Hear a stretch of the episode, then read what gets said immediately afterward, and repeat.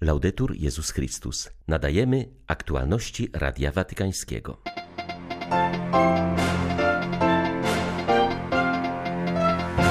Codzienna modlitwa pozwala Bogu wejść w nasz czas i naszą historię, powiedział papież w rozważaniu przed modlitwą Anioł Pański.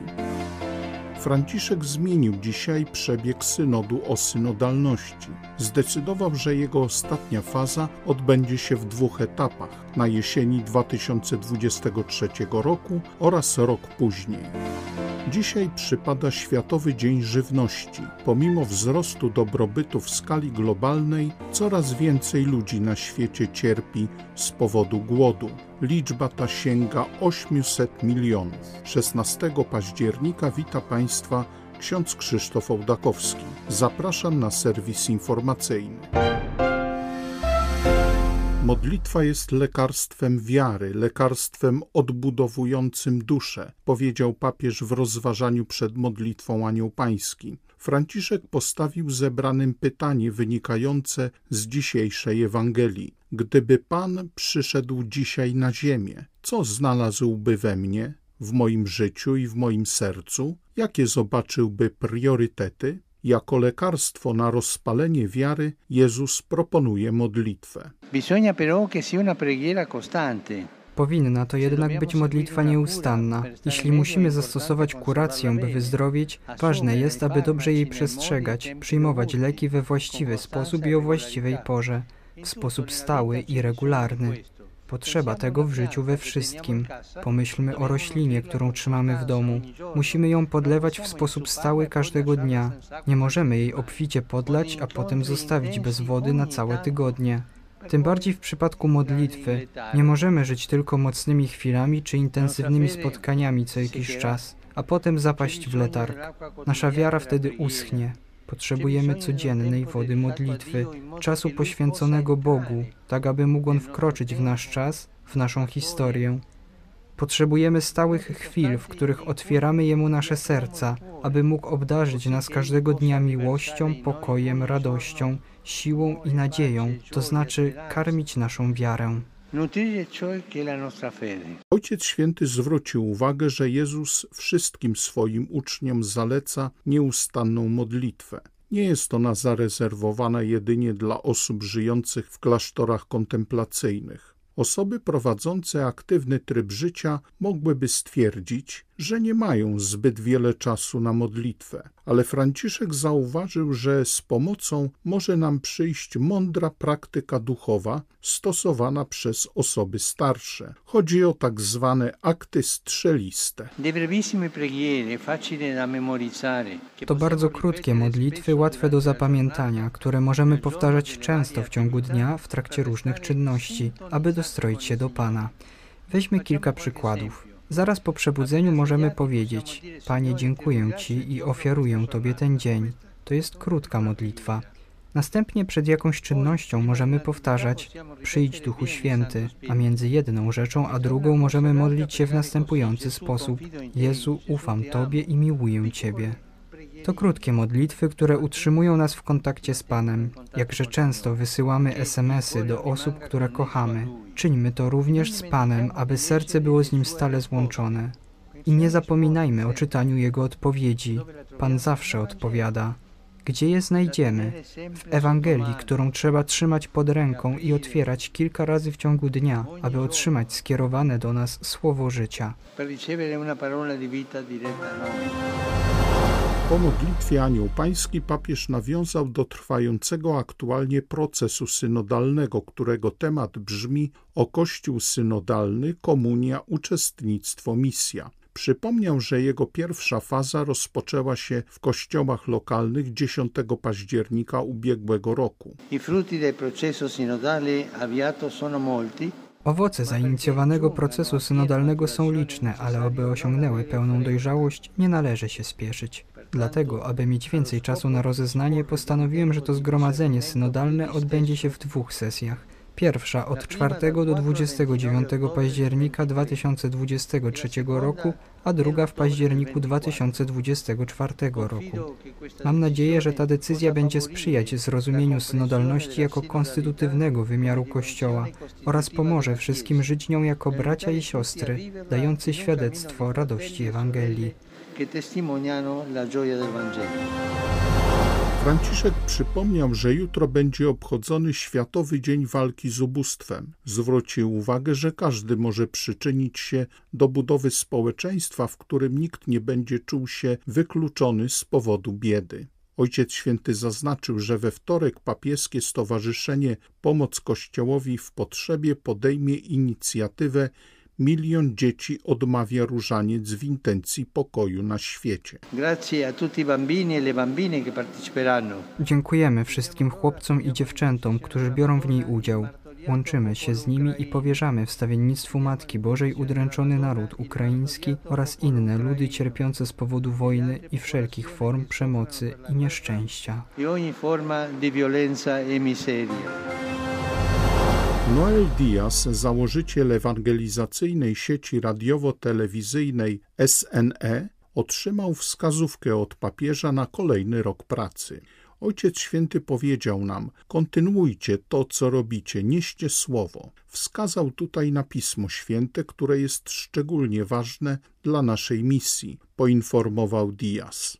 SNE to hiszpańskojęzyczna sieć medialna mająca na celu głoszenie dobrej nowiny i szczególną troskę o migrantów. Jej przekaz dociera do 15 krajów, a działania wykraczają poza samą komunikację i obejmują masowe wydarzenia ewangelizacyjne oraz działalność charytatywną, wskazuje Noel Diaz. Umacniamy wiarę i nadzieję wielu nielegalnych imigrantów, którzy cierpią zwłaszcza w chwilach, kiedy nie mogą udać się na pogrzeby bliskich. Poza pracą z imigrantami prowadzimy także sierociniec w Meksyku zatrudniający 30 pracowników. Co ważne, nasze wsparcie nie polega jedynie na przekazaniu środków, ale bierzemy odpowiedzialność za te dzieci i za naszych ludzi. Organizujemy również wydarzenia ewangelizacyjne w krajach latynoamerykańskich, w których uczestniczy nawet do 10 tysięcy osób. Prawdziwe błogosławieństwo stanowi możliwość służenia. Dopóki pozostajemy zdrowi, dopóki mamy życie, możemy to robić i nie być egoistami myślącymi tylko o sobie. Prawdziwego szczęścia doświadczasz wtedy, gdy naprawdę ofiarujesz siebie, nie oczekując niczego w zamian poza pokojem podarowanym przez Boga. Dzisiaj pod hasłem Nie zostawić nikogo w tyle obchodzony jest Światowy Dzień Żywności. Wśród najbardziej zagrożonych głodem obszarów znajdują się Afganistan, Jemen i Sahel. 800 milionów osób na naszej planecie cierpi z powodu głodu. Ponad 13 milionów dzieci zagrożonych jest niedożywieniem. Dyrektor Organizacji Narodów Zjednoczonych do spraw wyżywienia i rolnictwa Ku Dong-yu zaznacza, że liczba osób dotkniętych głodem stale rośnie i należy bezzwłocznie podjąć działania, aby nie zostawić nikogo w tyle, o czym przypomina temat Światowego Dnia Żywności obchodzonego dziś na całym świecie. W tym celu, jak powtórzył papież Franciszek w swoim przesłaniu do FAO, potrzeba wprowadzenia kategorii miłości do języka współpracy międzynarodowej, aby przyoblec stosunki międzynarodowe w humanizm i solidarność, dążąc do dobra wspólnego. Ten Światowy Dzień Żywności, jak przypomniał sekretarz generalny Caritas Internationalis Aloysius John, naznaczony jest wojną na Ukrainie, która przyczyniła się do zawirowań na światowych rynkach artykułów spożywczych i energii. To spowodowało gwałtowny wzrost cen żywności, paliw, które wystawiają miliony ludzi na całym świecie na ryzyko głodu. Afganistan, Syria, Jemen, Sudan Południowy i róg Afryki znajdują się na skraju klęski głodu i pozostają obszarami o najcięższej sytuacji. W Etiopii, Kenii i Somalii 21 milionów osób odczuwa wysoki poziom braku bezpieczeństwa żywnościowego.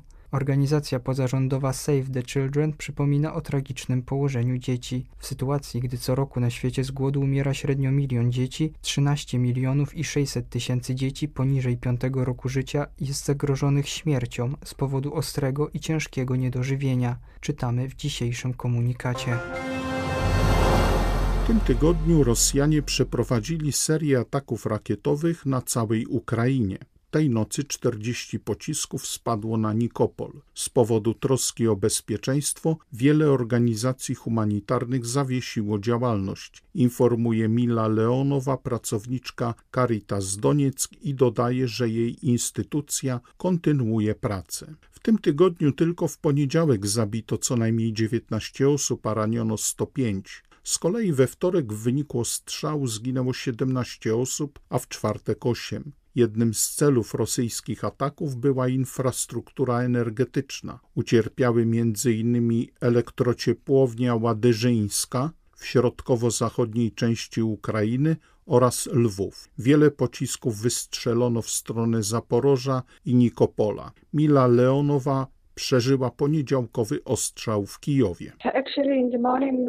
Dzień zaczął się bardzo spokojnie. Udałam się na metro i właśnie tam usłyszałam eksplozję. Jak się potem dowiedziałam, do wybuchu doszło zaledwie 500 metrów od stacji, w samym centrum stolicy, w wyniku czego zginęli przechodnie. Metro przestało działać i stało się schronem. To była okropna chwila. Otrzymywaliśmy wiadomości o wybuchach z tak wielu miejsc z Lwowa, z Odessy, Charkowa, także z mojego miasta, Dniepru. Było to zatrważające doświadczenie, jednak chcę podkreślić, że my, Ukraińcy, jesteśmy wolnymi ludźmi i nie damy się zastraszyć. Mogliśmy to także odczuć w samym metrze, gdy spontanicznie zaczęto wspólnie śpiewać. Musimy trwać na modlitwie i robić swoje. Naprawdę chcemy wolności i żeby zakończyła się ta agresja. Because we really want to be free, free without this aggression. Kościół w Wietnamie musi zweryfikować swoje priorytety i postawić w centrum ewangelizację. W związku z trwającym w całym Kościele synodem o synodalności Apeluje o to ksiądz Józef Ngok Ngoan, a jego głos został opublikowany na portalu Konferencji Episkopatu Wietnamu. Z pokorą musimy stwierdzić, że Bóg pragnie wiele, a nasza odpowiedź jest wciąż za mała. Potrzebujemy pilnie zaangażować się w ewangelizację, podkreśla wietnamski duszpasterz. Ksiądz Ngoan zwraca uwagę na wnioski wypływające ze statystyk. W Wietnamie od lat 60. katolicy wciąż stanowią około 7% ludności. Wprawdzie znacznie zwiększyła się ich liczba, ale ten wzrost tłumaczy przyrost naturalny. W 2015 roku do kościoła dołączyło 38 tysięcy osób, podczas gdy w kraju pracowało 95 tysięcy księży, osób konsekrowanych oraz katechistów. Jeżeli zestawi się te dane, to wynika z nich, że aby przyprowadzić do kościoła jedną osobę potrzebne jest 2,5 katolika zaangażowanego w przekaz wiary. Statystyka ta pomija miliony ludzi świeckich, którzy również powinni ewangelizować. Ksiądz Ngoan zaznacza, że wielokrotnie różni zakonnicy pytali go, czy w jego prowincji jest wielu katolików, gdyż chcieli otworzyć przedszkole lub punkt ziołolecznictwa. Tylko nieliczni pytali o warunki do podjęcia pracy misyjnej. Nawet w trudnej sytuacji Kościół w Pakistanie wzrasta. Największym wyzwaniem dla chrześcijan pozostaje zachować równowagę i być wiernym w życiu codziennym, mówi ksiądz Emmanuel Assi, dyrektor katolickiej komisji biblijnej w tym kraju. Pakistan jest republiką islamską, którą zamieszkuje 230 milionów ludzi. Szacuje się, że chrześcijanie stanowią do 2,5% całej populacji. Doświadczają poważnego prześladowania. Dla tych, którzy nie są muzułmanami, życie tutaj pozostaje trudne, stwierdza ksiądz Asi. Wprawdzie na papierze gwarantuje się wolność wyznania, jednak w praktyce, w polityce, w życiu społecznym, na uniwersytetach i w miejscach pracy panuje dyskryminacja. Kościół w Pakistanie jest młody. Około 65% praktykujących katolików ma mniej niż 40 lat. Nie brakuje powołań do kapłaństwa i życia zakonnego. Wyzwanie stanowi jednak dotarcie do oddalonych miejsc, gdzie wzrasta liczba wiernych oraz edukacja. Były to aktualności Radia Watykańskiego. Laudetur Jezus Chrystus.